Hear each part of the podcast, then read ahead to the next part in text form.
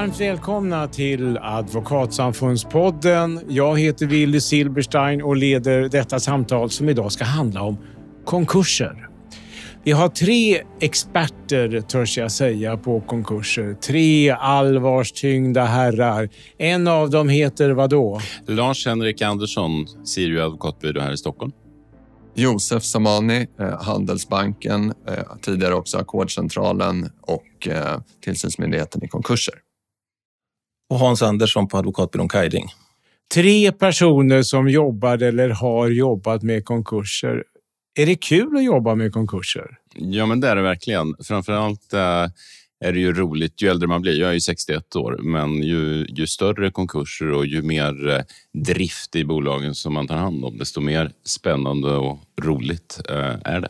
Hans, vad är roligast med att jobba med konkurser? Ja, men det är väl den kombinationen. Alltså, du får syssla med en ganska stor bredd av juridik, eh, både liksom avtalsrätt och arbetsrätt och vad det kan tänkas vara men också liksom, åtminstone låtsas vara affärsman under fortsatta driften. Alltså att sätta sig in i just den branschens villkor eh, och eh, vara företagsledare under en period innan man kanske kan lämna över det till någon ny ägare så att verksamheten kan fortsätta. Men Josef, så kul kan det ju inte vara. Du har ju distanserat dig och hamnat på Handelsbanken. Ja, eh, jag tyckte faktiskt att det var väldigt roligt under tiden jag var på Ackordcentralen. Eh, men sen, eh, jag var kanske lite mer äventyrlig då och ville prova lite andra delar av eh, konkursvärlden. Så jag hamnade, efter min tid på Ackordcentralen, hamnade jag på Kronofogden då, som är tillsynsmyndigheten. Eh, fick ju använda eh, kompetensen från därifrån. Okej, okay. och eh, det handlar ju om då konkursförvaltare. Hur blir man, Hans, hur blir man konkursförvaltare? Ja, alltså det finns ingen rak väg till det egentligen. Det är inte så att man ska ta någon examen eller så, utan men man ska ju eh, börja jobba på en advokatbyrå eller på Ackordscentralen och sen så ska man jobba under någon mentor som kan det, som då är konkursförvaltare, så att man lär sig hantverket. För, för mycket av konkursförvalteriet sitter i händerna också. Eh, mycket praktiska beslut. Man ska lära sig hur, hur gången är i en konkurs. Och hur, hur, lång tid går man under en mentor innan man själv får den fina titeln konkursförvaltare? Ja, åtminstone fyra år ungefär får man räkna med. Eh, nästan, att, fem, eh, nästan fem år. Ja. Så det är ju eh, tio år kanske innan, innan du är förvaltare. Eh, sen är det ju lite grann, kan det vara köbildning också, så det är inte säkert att att byråerna alltid släpper upp nya förvaltare om det liksom är för många som är verksamma på just den byrån. Så det, det, tar rätt lång tid, men det ska också ta rätt lång tid. Varför då? Eh, därför att eh, det är ofta eh, svåra och avgörande beslut, både för fordringsägarna som ju förstås vill få igen sina pengar,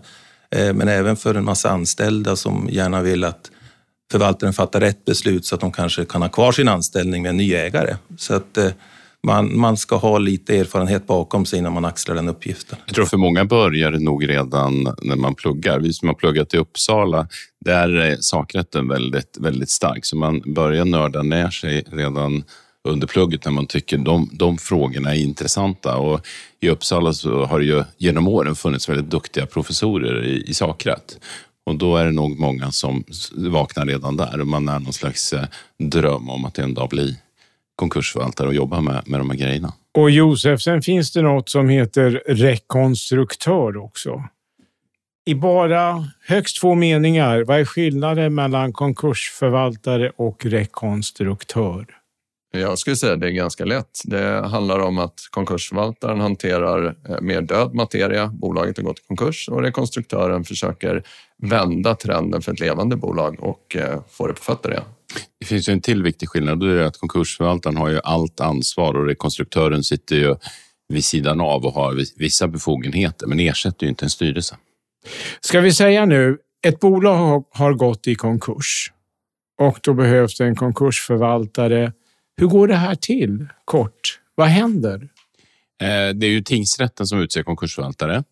Eh, och ofta är man då föreslagen endera av en borgenär, alltså den som har fordringar mot bolaget eller mot bolaget eh, själv. Jag tror Sverige jämfört med andra länder har nu utvecklats så att det är ganska vanligt att det är bolaget eller gäldenären som vi säger som söker upp en konkursförvaltare och frågar om de kan åta sig uppdraget och sen så tittar man om det finns något, någon jävsrisk och så vidare.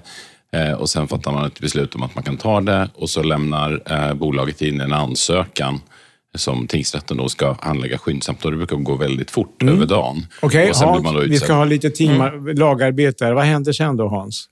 Ja, men då får man ett eh, förordnande i handen och då, då är det liksom direkt så att då är man förvaltare och de har fullt ansvar för bolaget. Så att, så, och särskilt om lite större verksamhet så då är det liksom snabba ryck. Då måste man ta sig ut till bolaget, få en kontroll över vad finns det på kontona? Är det liksom leveran, leveranser på väg? Hur ser det ut med de anställda och så vidare? Så att det, konkursförvalteriet är ju ett, på det sättet ett teamarbete, för man hinner ju inte springa på alla bollar, utan man, man leder ett team av medarbetare eh, för att hinna ta hand. Så att, och man kan säga arbetsmässigt är det en ganska stor arbetspuckel inledningsvis eh, för att få och kontroll. Josef, då har vi konkursförvaltare utsedd. Han eller hon, jag gissar oftast han, av någon konstig anledning, börjar eh, jobba som vi hör här av Hans. Vad är egentligen syftet med allt det här? Vad ska det leda till och sluta i? Ja, nej, men syftet med konkursen är att upprätthålla någon form av ordning eh, på kreditmarknaden. Man, eh, Eh, banker och andra som lånar ut pengar till företag, eh, de vill ju ha, vara säkra på att pengarna sen, om eh, det i slutändan ska fördelas, att det sker i en viss ordning så att det inte bara den starkaste kommer att roffar åt sig om det går dåligt för, för då ett visst bolag. Så att det är väl egentligen syftet att få till ett ordnat förfarande där man fördelar ut pengarna enligt en viss rättvis ordning. Då. Lars-Henrik, är ambitionen så gott som alltid att bolaget ska drivas vidare? Nej, det behöver det inte vara. Men själva, eh, eh, I tillägg till det Josef säger, ett grundsyfte är ju att eh, borgenärerna ska få ut så mycket av den här avvecklingen av bolaget eller verksamheten som, som är möjligt. Och då är det ju två saker man kan göra. Man kan tjäna pengar under en fortsatt drift och fortsätta verksamheten. Den andra det är att, att, att sälja tillgångarna och då kan du sälja tillgångarna Eh, en och en eller så säljer du hela, hela rörelsen. Och normalt sett så brukar vi säga att bäst resultat får man om man kan sälja hela rörelsen. Eh, och då ser man ju också att det kan leva vidare i ett annat format. Så det, det är ju ändå underliggande är väl någonting man, man strävar efter i alla fall skulle jag säga. Är det vanligaste att det slutar i eh, att verksamhet upphör eller fortsätter? Är det någon som... Jag vet inte om det finns statistik på detta. Ja, så om man ser på, på mängden konkurser, vi har ju, jag vet inte, är det 5 000 konkurser kanske per år i Sverige eller kanske ännu mer, så är det ju många av konkurserna som är mindre. Det kanske är konsultföretag eller det är någon liten restaurang och så vidare. Och då är det ju mer ett, ett städarbete. Eh, att sälja av de där tillgångarna, att säga upp de anställda och de får ut sin lönegaranti av staten. Eh, så att mer, merparten är det ju inte fortsatt drift i.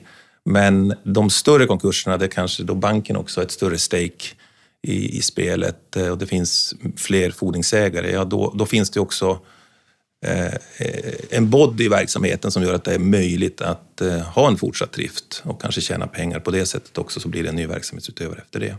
Och Josef, när man säljer tillgångar ur ett konkursbo, hur går det till? Ja, det kan gå till på lite alla möjliga sätt. Eh, normalt så har ju eh, konkursförvaltarna ett, ett nätverk av personer som hjälper till att sälja egendomen. Eh, så att man kan, det kan vara att eh, det här företaget och en konsultverksamhet eh, lägger ut på sin hemsida. Ehm, men det kan också vara så att om det är lite mer speciella tillgångar så använder man andra kanaler som man eh, exempelvis har byggt upp med hjälp av företaget som har gått i konkurs eller att det är någon som tillhandahåller eh, försäljning av viss typ av specialverktyg eller liknande. Så att, mm, lite lag efter läge tror jag. Ni får väl fylla på. Här. Ja, men alltså det är ju det är en stor skillnad mellan konkursförvaltarens handlingsutrymme när man ska sälja grejerna jämfört med exempelvis Kronofogden, alltså när det är exekutiv försäljning. Då måste ju köra det på ett visst sätt med offentlig auktion och så vidare. En förvaltare kan laga efter läge och eh, hitta den bästa lösningen just i den specifika situationen. Eh, och det ger också möjlighet till att det blir ett bättre utfall för borgenärerna. Eh, the flip side på det där det är ju att man sen får stå till svars för de besluten också. Om man liksom fattar fel beslut så kan ju de som vill ha sina pengar kan ju ha synpunkter på arbetet. Va? Men, men jag tycker det är en bra ordning att man har den flexibiliteten i förfarandet, att man faktiskt får anpassa försäljningen till vad situationen kräver. Har du sålt tillgångar för billigt någon gång, Hans? Aldrig. Du är säker? eller var det bara... Eh, Ja, man kan väl säga så här att eh, man kan ju ibland få surt även eh, kommentarer av eh, andra som kanske hade velat köpa. För det kan ju komma fram då hur mycket det såldes för och då kan de i efterhand säga att det där hade jag kunnat betala mycket bättre för. Men de där kommentarerna ger, mig, ger jag inte så mycket för om inte pengarna låg på bordet när det gällde. Det finns ju en... Alltså, konkursförvaltare älskar ju att få kontant betalt. Därför att då vet man att man får pengarna. Eh, ofta kan det vara så att någon säger att jag kan betala mycket mer, men då betalar jag om lång tid. Då blir det svårare att avsluta konkursen och man vet inte riktigt om eh, den där budgivaren är god för pengarna. Det kan ju vara ett dilemma ja. som man brottas med. Josef? Eh, nej, men jag tänkte, jag minns tillbaka från tiden när jag började, absolut något exempel på, vill minnas att det fanns ett företag som gick i konkurs och de hade en speciell typ av programvara. Det var väldigt få som visste att den där var värd ganska mycket. Eh, det berättade de ju såklart inte. Så vi försökte nå ut på de kanalerna som fanns tillgängliga men eh, i efterhand så hade vi nog kunnat få mycket mer än vad vi fick. Så det kan hända. Men Hur det känns var... det då? Känner man sig lite dum eller? Eh, jag skulle säga att jag personligen kände någon besvikelse över min arbetsinsats när det gick upp för mig. Kände sig lite lurad, lite bortkommen och dum. Och samtidigt, ni jobbar ju i massa olika branscher. Det måste ju vara otroligt svårt att snabbt sätta sig in i att här finns en programvara som är väldigt dyr, eller hur? Nej, men så är det så ja. Det är bara... Mm. Och just den typen av egendom, alltså när eh, den inspirerande entreprenören har någon källkod uppe i huvudet. Så det, det är, den är svår, alltså veta vad är den där koden värd och kanske det är inte alltid, alltid att de vill släppa ifrån sig koden heller. Riktigt, och, eftersom de då gärna vill köpa tillbaka det själv efter konkurs. Så där, den är ett, eh, just den typen av tillgångar är, är lite kniviga. Men hemligheten är väl att skapa en marknad, eh, försöka skapa en marknad vid varje tillfälle så att de som kan tänkas lämna bud gör det. För men det är klart att om det bara är en ställföreträdare som vill ha tillbaka rörelsen då, om man inte gör fler åtgärder, då, då, sitter man fel någonstans. Utan man får försöka genom kanalerna, som Josef säger, skapa, skapa en marknad. Eh, eller se till att den marknad som finns där. Är det någon av er som har jobbat med någon lite mer uppmärksammad konkurs där ni bara kort kan berätta hur det, vad hände och hur gick det till och så? Eh, ja, jag hade ju eh, en gruva uppe i Pajala eh, ja. som hette Northland Resources. Nu drivs den under namnet Kaunis Iron mer framgångsrikt än, än, när jag hade den i konkurs. Och, ja, det är väl ett exempel på de utmaningar som en förvaltare kan, kan råka ut för. Man får det där förordnandet och de har fullt ansvar. Och, en gruva är ju alltid förenad med kostnader och i det här fallet så, så kostar det ungefär 15 miljoner per månad att bara pumpa runt vattnet och upprätthålla de miljökrav som är ställda och det fanns noll i kassa. Eh, så då får man ju öka tempot för att hitta de där tillgångarna för att inte eller hitta tillgångar, likvida medel helt enkelt, för att kunna betala för sig och upprätthålla värdena i verksamheten. Eh, så att eh, då ökar stressnivån hos förvaltaren kan man säga, om man ska fixa det där. Men det gick bra i det här fallet? Det gick bra.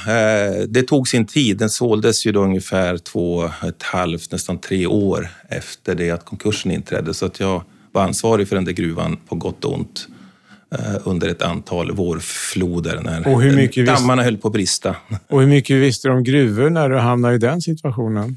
Eh, jag hade haft eh, gruvrelaterade konkurser tidigare i Björkdalen och i Västerbotten och så där, så att jag hade väl en viss erfarenhet. Men ingen av oss är ju några tekniker eller liksom kan det på det sättet, utan man måste ju knyta kompetens till sig eh, och vara alltså den här projektledaren som håller i i det här fallet framför allt ha koll på likviditeten så inte konkursboet hamnar i konkurs, för det kan ju faktiskt också hända.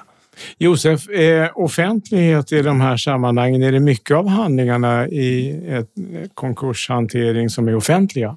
Eh, jo, men det skulle jag säga. Det är en hel del eh, löpande rapporter man får. Till exempel eh, inledningsvis så lämnar ju förvaltaren en eh. Sen kommer det en eh, en förvaltarberättelse, lite mer eh, grundlig information eh, efter ungefär ett halvår och sen löpande halvårsvis så kommer det redogörelser över hur den här konkursen har utvecklat sig. Så att information eh, finns att ta del av. Eh, Lars-Henrik, kan det ibland bli lite knepigt att eh, saker är offentliga? Ja, det kan det vara. Jag menar, dels gäller det väl... Man vill ju ha så att säga, lugn och ro runt arbetet och du vill att det teamet som jobbar med utredningen ska, ska kunna jobba i, i, i lugn och ro, som jag sa, och ha liksom en väg framåt. Och då kan det finnas borgenärer som är förbannade på, på ställföreträdaren, tycker att de har blivit lurade och säger att vi vill ha ut en massa material under den här tiden. Och då får man hela tiden göra avvägningar. Är det här någonting vi ska lämna ut? Eh, och det kan vara rena fishing expeditions där man tycker att eh, man vill sitta och läsa i en vecka på, på vårt advokatkontor och se om det finns någonting. Så det där kan vara svåra avvägningar, absolut. Är det vanligt att det uppstår misstankar om brott vid konkursförvaltning? Är det någon som har någon tanke kring det? Det finns ju ett så att säga, standardbrottet, det är ju bokföringsbrott. Så att säga, har, har man skött bokföringen? Eh, och det kan man ju säga, ha olika synpunkter på hur, eh, hur klandervärt det är. Men det är klart att, att lämna in en årsredovisning sent eh, kan ju vara bokföringsbrott. Eh, så det, det, är ju väldigt vanligt att vi anmäler brott. Vi är skyldiga att anmäla eh, brott vid misstanke om brott. Och jag skulle säga att eh, by far så är det ju eh, bokföringsbrott vi regelmässigt eh, anmäler. Josef? Eh, jo, nej, men jag, jag, tror ju att det många inte tänker på att en, en, stor andel av konkurserna är ju inte konkurser som innehåller stora mängder tillgångar eh, som ska fördelas ut till borgenärer, utan det finns ingenting och många gånger har de använts som brottsverktyg, företagen. Och så ska ju liksom helt enkelt bara en utredning genomföras. Så. Mm. Och eh, eh ni får inte berätta för en borgenär om det finns brottsmisstankar. Är det ett dilemma? Eh, ja, alltså det, den där, vi är väl försiktigare idag med att skriva. För, vi skriver en förvaltarberättelse efter sex månader där vi eh, berättar om bolagets verksamhet och så. Eh, och där eh, uttrycker man väl, man måste, ja det är ett dilemma, för vi säger å ena sidan ska vi uttala oss om hur bokföringsskyldigheten har, har följts, eller om man har följt lagarna. Å andra sidan så säger vi normalt sett inte det här att vi avser att anmäla brott eller vi har anmält brott. Så I vart fall har vi den rutinen. Och det där är klart en balansgång att jobba med. Hans, tycker du det är knepigt? Inte så värst ändå. Jag tycker att där, där kan man balansera ganska bra gentemot borgenärerna. Det, det viktiga är att man liksom, anledningen till att man inte ska berätta det vitt och brett, det är ju att om man har gjort en anmälan så måste man låta polis och åklagare göra sitt jobb. Det behöver ju inte eh, stämma det behöver inte stämma, det är liksom bara en misstanke så man ska inte sprida det så. Men jag håller med, det finns ju liksom två olika brottskategorier. Dels kan det ju vara den där ensamstående mamman som tycker det skulle vara roligt att starta upp någon liten butik med något krimskrams och så höll det inte ihop och så är hon utbränd och så kan hon inte råd att betala bokföraren och så blir det bokföringsbrott. Alltså det är ju inte någon förhärdad brottsling. Men sen har vi de där brottsverktygsfallen som jag väl tycker har, ökat, alltså där kriminella organisationer nästlar sig in och ser att aktiebolag är ju kanske ett utmärkt sätt att eh, snuva folk på pengar på olika sätt. Eh, och det är ju betydligt allvarligare. Det är ju systemhotande på ett helt annat sätt.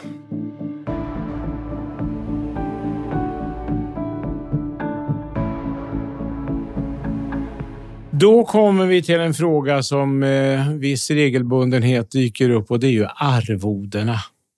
Och de blir ju ibland ifrågasatta och en del tycker att de är alldeles för höga. Jag vet att Ekot på Sveriges Radio gjorde en granskning där man just ifrågasatte om de inte var för höga. Om vi börjar med den enkla frågan. Hur, eh, det kan ju du Josef som har lämnat den här delen. Hur bestämmer man det arvode man tycker är rimligt att ta ut?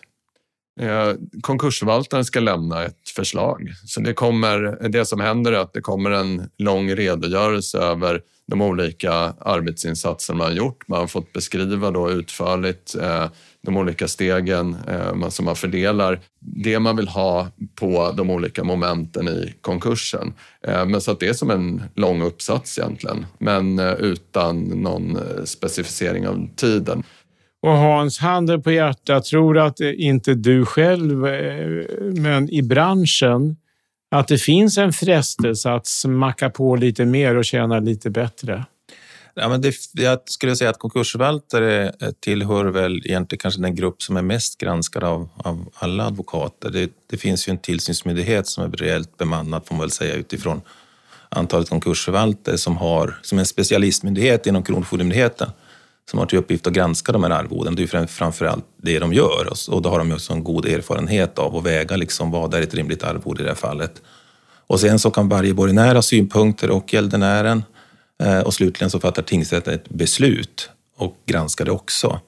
Eh, så att, eh, och allt det där gör ju att förutom så att säga, sin egen moral och etik som förvaltare, att man inte vill ta över betalt, så har man ju en rad kontrollfunktioner så att, för att det ska bli rätt och riktigt. Och Lars-Henrik, hur ofta sänker domstolarna arvodena? Nej, men det händer eh, emellanåt. Då ska man också tänka på advokaters olika, olika förutsättningar. Det är ju en sak att sitta på en mindre ort med låga lokalkostnader och kanske inte mycket personal och det är en annan sak att sitta, sitta i Stockholm. Så man ska ju också väga de här eh, två emot varandra. Det är inte, eh, ja, det är inte helt ensartat eh, när man tittar på det, men, men eh, det, det händer. Eh, säg att vi kanske i 10 procent av fallen eh, får ifrågasättande av TSM när man säger så här. Att, ja, men det och TSM är? Till, förlåt, tillsynsmyndigheten mm. i konkurs då, som vi pratade om här förut och mm. där Josef har jobbat. Och kanske i hälften av fallen så leder det då till att domstolen sänker arvodet. Och vi, vi är liksom vana med att... Och det är en del av kontrollfunktionen. Och jag tycker att det är en, det är en eh, i stort sett väl fungerande Men om, ordning. Om den statistiken är korrekt, då är det ytterst få som ändå, där man ändrar på arvodena. Ja, ja, ja, 5 procent om man nu förstod det. Nu var det liksom en, ja, men mellan tummen och pekfingret. Nu har jag lång erfarenhet. Och så det var en höftning från någon som har lång erfarenhet, men, men educated guess. Men där någonstans bör det ju ligga. Det ligger ungefär mellan 2 och 5 procent. Eh, så ett år, om tillsynsmyndigheten är flitig, så är det 5 procent och, och sen normal, mer normalt kanske är runt 2 eh, procent är att man har synpunkter. Det beror på eh, beskaffenheten av konkurserna som kommer in också. Men Josef som har lämnat då, såg du någon gång nu kan du vara lite mer öppen när du har lämnat den här delen. Såg du ibland att där tog de baske mig lite väl mycket? Eh, jo, men det absolut eh, finns det. Eh, alltså, jag skulle säga att de allra flesta förvaltare är seriösa om man tar betalt efter vad som är skäligt. Eh, sen precis som i alla branscher så finns det eh, personer som när tillfälle ges glömmer bort sig. Eh, och eh, jag har exempel på konkurser där Eh, Eh, säg att det, det, händer, det finns egentligen inte så mycket att utreda men det kanske finns jättemycket pengar på bankkontot initialt. Eh, då finns det alltid en risk och eh, där måste man som förvaltare vara lite försiktig. Det finns alltid en risk att man anpassar faktureringen efter innehållet i konkursen. Och där har vi någon gång när jag var på tillsynsmyndigheten fått slå ner på dem. Men det är fortfarande statistiskt är det ändå så att det är de där 2 till 5 procenten som vi pratar om. Ja, och jag tror jag vänder mig till Lars-Henrik med den frågan. Många affärsbyråer i storstäderna, de har ju slutat att ta konkursuppdrag. För att, att, ja, man... att man inte bygger upp den här eh, organisationen som kanske får uppdrag för det kostar för mycket att bara vara i standby-läge i avvaktan på att man kanske får uppdrag. Hur vanligt är det? Ja, det där har ju varit en trend. att uh, Nu är ju vi relativt stor affärsjuridisk byrå, Sirio. Men det är ju rätt vanligt bland eh, våra eh, konkurrenter och, gelikar att man, som du säger, avvecklar konkursavdelningen av, av dels det skälet du säger. Sen då tror jag också att man är lite rädd för jävsrisken, det vill säga man kanske handlägger finansi man jobbar med finansieringar, man jobbar med, eh, med med företagsöverlåtelser och, och då, när man har så många funktioner så finns det risk för att man jävar ut sig från konkursförvalteriet. Så det, är nog, det är nog tvåfalt. Men, men det är en lite tråkig utveckling för det är klart att eh, de här byråerna har ju oftast väldigt duktiga jurister. Så det är, det är ju trist att de, inte, att de inte finns på marknaden. Och jag tror också att det är någonting man ska eh, ha med sig och hålla i åtanke framåt när man tittar på det här och säger att ja, men, man ska bara redovisa tiden och vi måste få ner kostnaderna så får man ju också tänka på så här, ja, men vilka ska hålla på med konkursförvalteri då? Så jag tror att det är nog en, en viktig grej att ha ögonen på i framtiden. Är det en risk att det kommer att finnas för få konkursförvaltare framöver? Hans? Eh, ja, det vet jag inte. Det, alltså jag tror väl i och för sig att det är hyfsat hög eh, medelålder på konkursförvaltare, men det finns ju ändå en, en viss tillväxt. Men jag tänkte också när det gäller den här kostnadsbiten, men man, man skulle ju då kunna tänka sig som utomstående att men varför sitter ni med en, en massa body med en organisation. Det kan man väl liksom bara koppla på konsulter av olika slag när ni väl får uppdraget. Men eh, det har både förvaltarna och även tillsynsmyndigheten sagt satt stopp för, för att då blir man liksom för beroende av externa parter. Man ska ha kompetensen i huset och det är också en oberoende fråga. Eh, att man vet vilka som man jobbar med, för ofta kan det vara rätt känsliga frågor i en konkurs. Så, att, så då har man hela tiden den där kostnadsmassan att eh, hantera oavsett om uppdraget kommer in eller inte.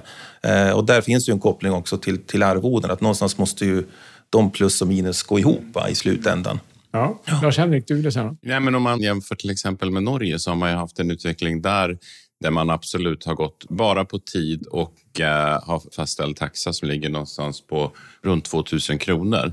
Och där har ju verkligen alla större byråer valt bort eh, konkursförvalteriet för man vill inte, vill inte jobba med det. Sen kan man, tror jag, få, om man använder en expert i huset kan man få något mer betalt. Men, men eh, jag tror att den, det är en utveckling som, som jag tror att vi inte vill se i Sverige i alla fall. Josef?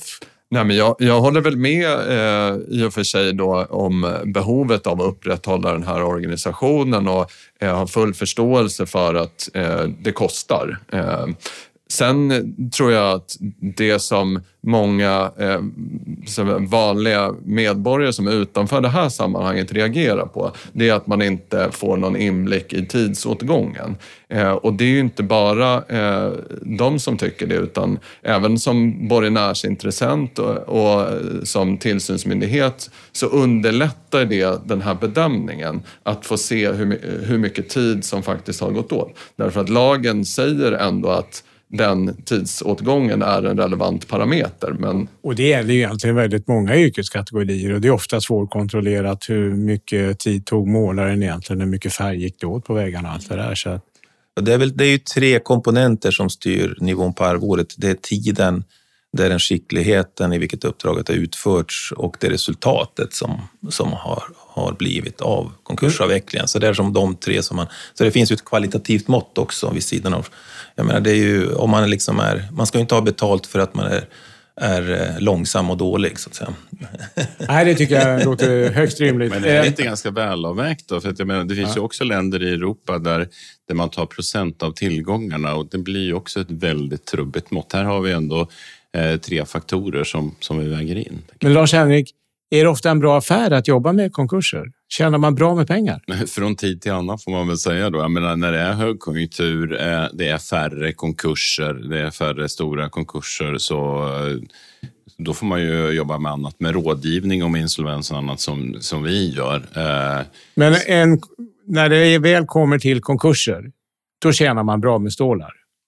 Ja, om det är stora konkurser där du kan ha stora team, absolut. Vi har varit inne på det, men jag tänkte bara i några meningar och då tror jag Josef som har jobbat på tillsynsmyndigheten, alltså bara kort förklara så vi får eh, förståelse för hur det där går till. Vad gör de? Hur gör de? Eh, när man bedömer arvodet? Ja. Det undrar vi också. Ja. eh, nej, men, eh, man får ju helt enkelt utgå från de eh, underlag som finns. Du får in uppgifter från konkursförvaltaren som redovisar vad eh, han eller hon har gjort. Eh, och eh, sen läser du handlingarna. Har du jobbat länge så vet du ungefär vad saker kostar, vad det borde kosta. Avviker det så ställer du frågor och vill ha in kompletteringar. Sen tror jag att det många gånger ändå är så när det blir större ärenden. Det är då det är svårt för tillsynsmyndigheten att bedöma vad som är skäligt för man inte får in den här tidsparametern. Mm. Eh, du var inne på det, Lars-Henrik, att eh, när det är dåliga tider i Sverige, då är det goda tider för er. Just nu, hur är konjunkturen och möjligheterna för konkursförvaltare? Vad, vad säger ni? Hans? Nej, men eh, nu är vi inne i en lågkonjunktur och Eh, min uppfattning är väl att det inte kommer att bli eh, bättre förrän det blir sämre. Och med lågkonjunktur så kommer ju också konkurserna. Det, det första tecknet på, på det brukar ju vara att rekonstruktionerna ökar, det vill säga det här första ledet, att man vill rädda företaget men man behöver hjälp med att kanske skriva av lite skulder och, och rumstera om i verksamheten och eh, de har ju ökat. Eh, och jag tror att konkurserna kommer att öka. Jag tror att exempelvis byggbranschen är ju nu en krisbransch som ju har svårt att liksom snabbt ställa om. Man sitter med en stor kostnadsmassa eh, och om inte uppdragen eh, trillar in så, så hamnar man ganska fort i en likviditetskris. Konkurser är ju, och, det, och handlar ofta om likviditet. Man får slut i kassan och sen har man ingen som erbjuder mera pengar. Mm. Och det här, Lars-Henrik, det lär väl fortsätta ett tag, just den här konjunkturcykeln? Ja, nu blir det lite allvarligt, men, men eh, jag ser ganska mörkt på de närmaste månaderna, givet att vi jobbar ju med väldigt många rekonstruktioner just nu. Vi har en ny rekonstruktionslag. Det finns ett intresse för, för att använda det instrumentet som Hans säger och rensa balansräkningen. Sen skulle jag vilja tillägga också, så, som kommer till det här, alla skatteanstånden som gavs ut under pandemin där näringslivet i stort sett skedmatades för att det inte skulle bli några konkurser. Men det och man fick uppskov med att betala skatten. Uppskov med att betala mm. skatten, ja.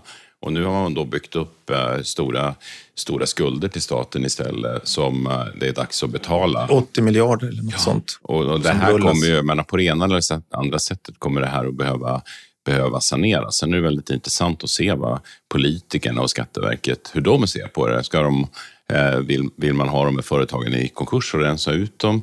Eller ska man ge dem en andra chans att lätta på de här skatteanstånden? Det blir ju märkligt när alla gillar att man skedmatar under pandemin, ingen går i konkurs och så plötsligt sitter vi med en lågkonjunktur och de här skatteanstånden ovanpå det. Det blir tufft. Mm.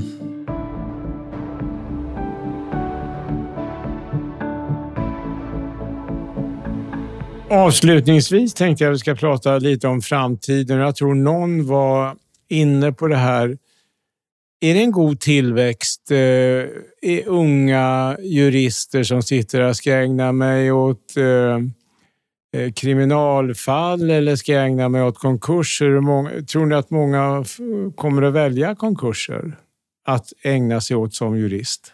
Jag tror att det där går från tid till annan. Eh, lite grann vad är det som var är de mest spännande fallen? Och om man har en lågkonjunktur och det är många spännande uppmärksammade rekonstruktioner och konkurser, då blir också de unga som pluggar juridik intresserade av det. Vi har, hos oss har vi aldrig haft ett rekryteringsproblem egentligen. Då är vi, vi är relativt ledande på det här området i landet och det finns eh, ja, det, det, finns en kö in och det är väldigt spännande. Det, när man är 60 så är det bland det roligaste som finns att det kommer in nya generationer, duktiga människor som vill jobba med det här. Och det, jag känner till försikt. Där. Ja, Josef?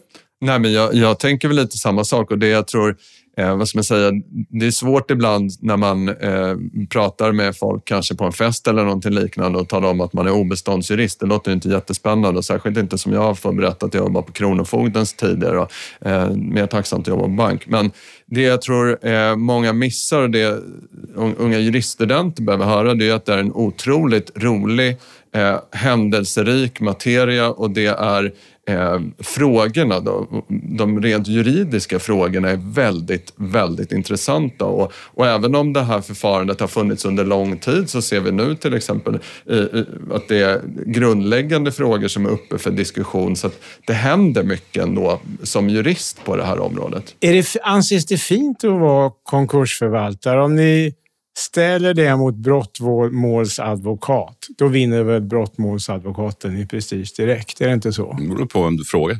Ja, men jag frågar er som då är jäviga åt kanske ett annat håll, hur ni ser på det? Ja, man kan väl säga att brottmålsadvokaterna har väl eh, haft ett problem kanske att de har haft lite för lätt att ha rätt att åta sig uppdrag. Det har väl skett si och så där, åtminstone i media. Eh, medan ju fördelen med förvaltarna är ju ändå en ganska lång prövotid när man blir förvaltare. Så att man prövas hur man är lämplig för uppgiften. Eh, jag, jag, tycker ju att det är ju det roligaste uppdraget eh, man kan ha. Det är väl i viss mån också en läggningsfråga. Alltså man ska ju hur ska man vara funtad för att gilla det här? Ja, men jag tror att man ska ju inte rädas viss risk. Va? För att om du är försiktigt lagd och inte vågar att fatta beslut på ofullständigt underlag, då ska du inte välja förvaltaruppdraget. Utan du måste ju vara beredd att, att fatta beslut, att eh, tycka det är intressant att ta viss affärsrisk när det gäller fortsatt drift och annat. Att snabbt läsa in dig både på juridiken och på branschens villkor om du får en viss specifik konkurs. Så det är mycket liksom action, mycket snabba beslut, mycket kontakt med näringsliv, att få jobba i team, och inte ensam och kanske också att man inte är jobba egentligen mot klient som en normal advokat. Alltså en klient kan ju vara trevligt, men det kan också vara ganska besvärligt då, att liksom vara klientens ombud. Du jobbar ju som förvaltare självständigt men under ansvar, så du kan ju bli åthutad av, av fordringsägaren om du inte har skött ditt jobb. Men det är ändå du som äger frågorna och det är ju liksom en väldigt tacksam uppgift, tycker jag, som advokat. Josef, du lämnar ju ändå det här. Det kan inte vara så kul då. Jo, men det finns ju många sidor av konkursförfarandet. Jag är ju, eh, just nu, precis just nu eh, så jobbar jag inte med de här frågorna. Men eh, när jag gick till bank så är det ju, var ju... Bank är ju en väldigt viktig aktör i eh, ett konkursförfarande. Man har ju ofta eh, fordringar, eh, så att det finns väldigt många sidor av det. Så jag, jag, ser väl inte det som att jag har lämnat den här världen utan eh, jag finns eh, runt omkring den här miljön. Men om jag ska summera det Hans säger så är det liksom driven, exekutiv, affärsmässig eh, och gillar juridik så är det här ett superbra forum. Jag tänkte vi ska avsluta. Ni får en mening var till alla juridikstuderande som lyssnar på denna podd. En mening. Varför ska de lockas till konkursförvaltning? Vad säger du, Lars-Henrik? Eh, rolig juridik, eh, komma då, för du ville ha en mening. Rolig juridik, hög spänning och ja, bra fart. Mm. Hans? Jag skulle lägga till att du också får möjlighet att eh, göra affärer och vara affärsmässig. Josef? Och jag lägger till stort eget ansvar redan tidigt. Då får vi se om det kommer att strömma människor till att bli konkursförvaltare. Jag tackar denna kunniga panel så hemskt mycket för att ni kom hit och delade era kunskaper med oss. Och jag tackar också alla er som har lyssnat. Tack ska ni ha. Tack, tack, tack så mycket.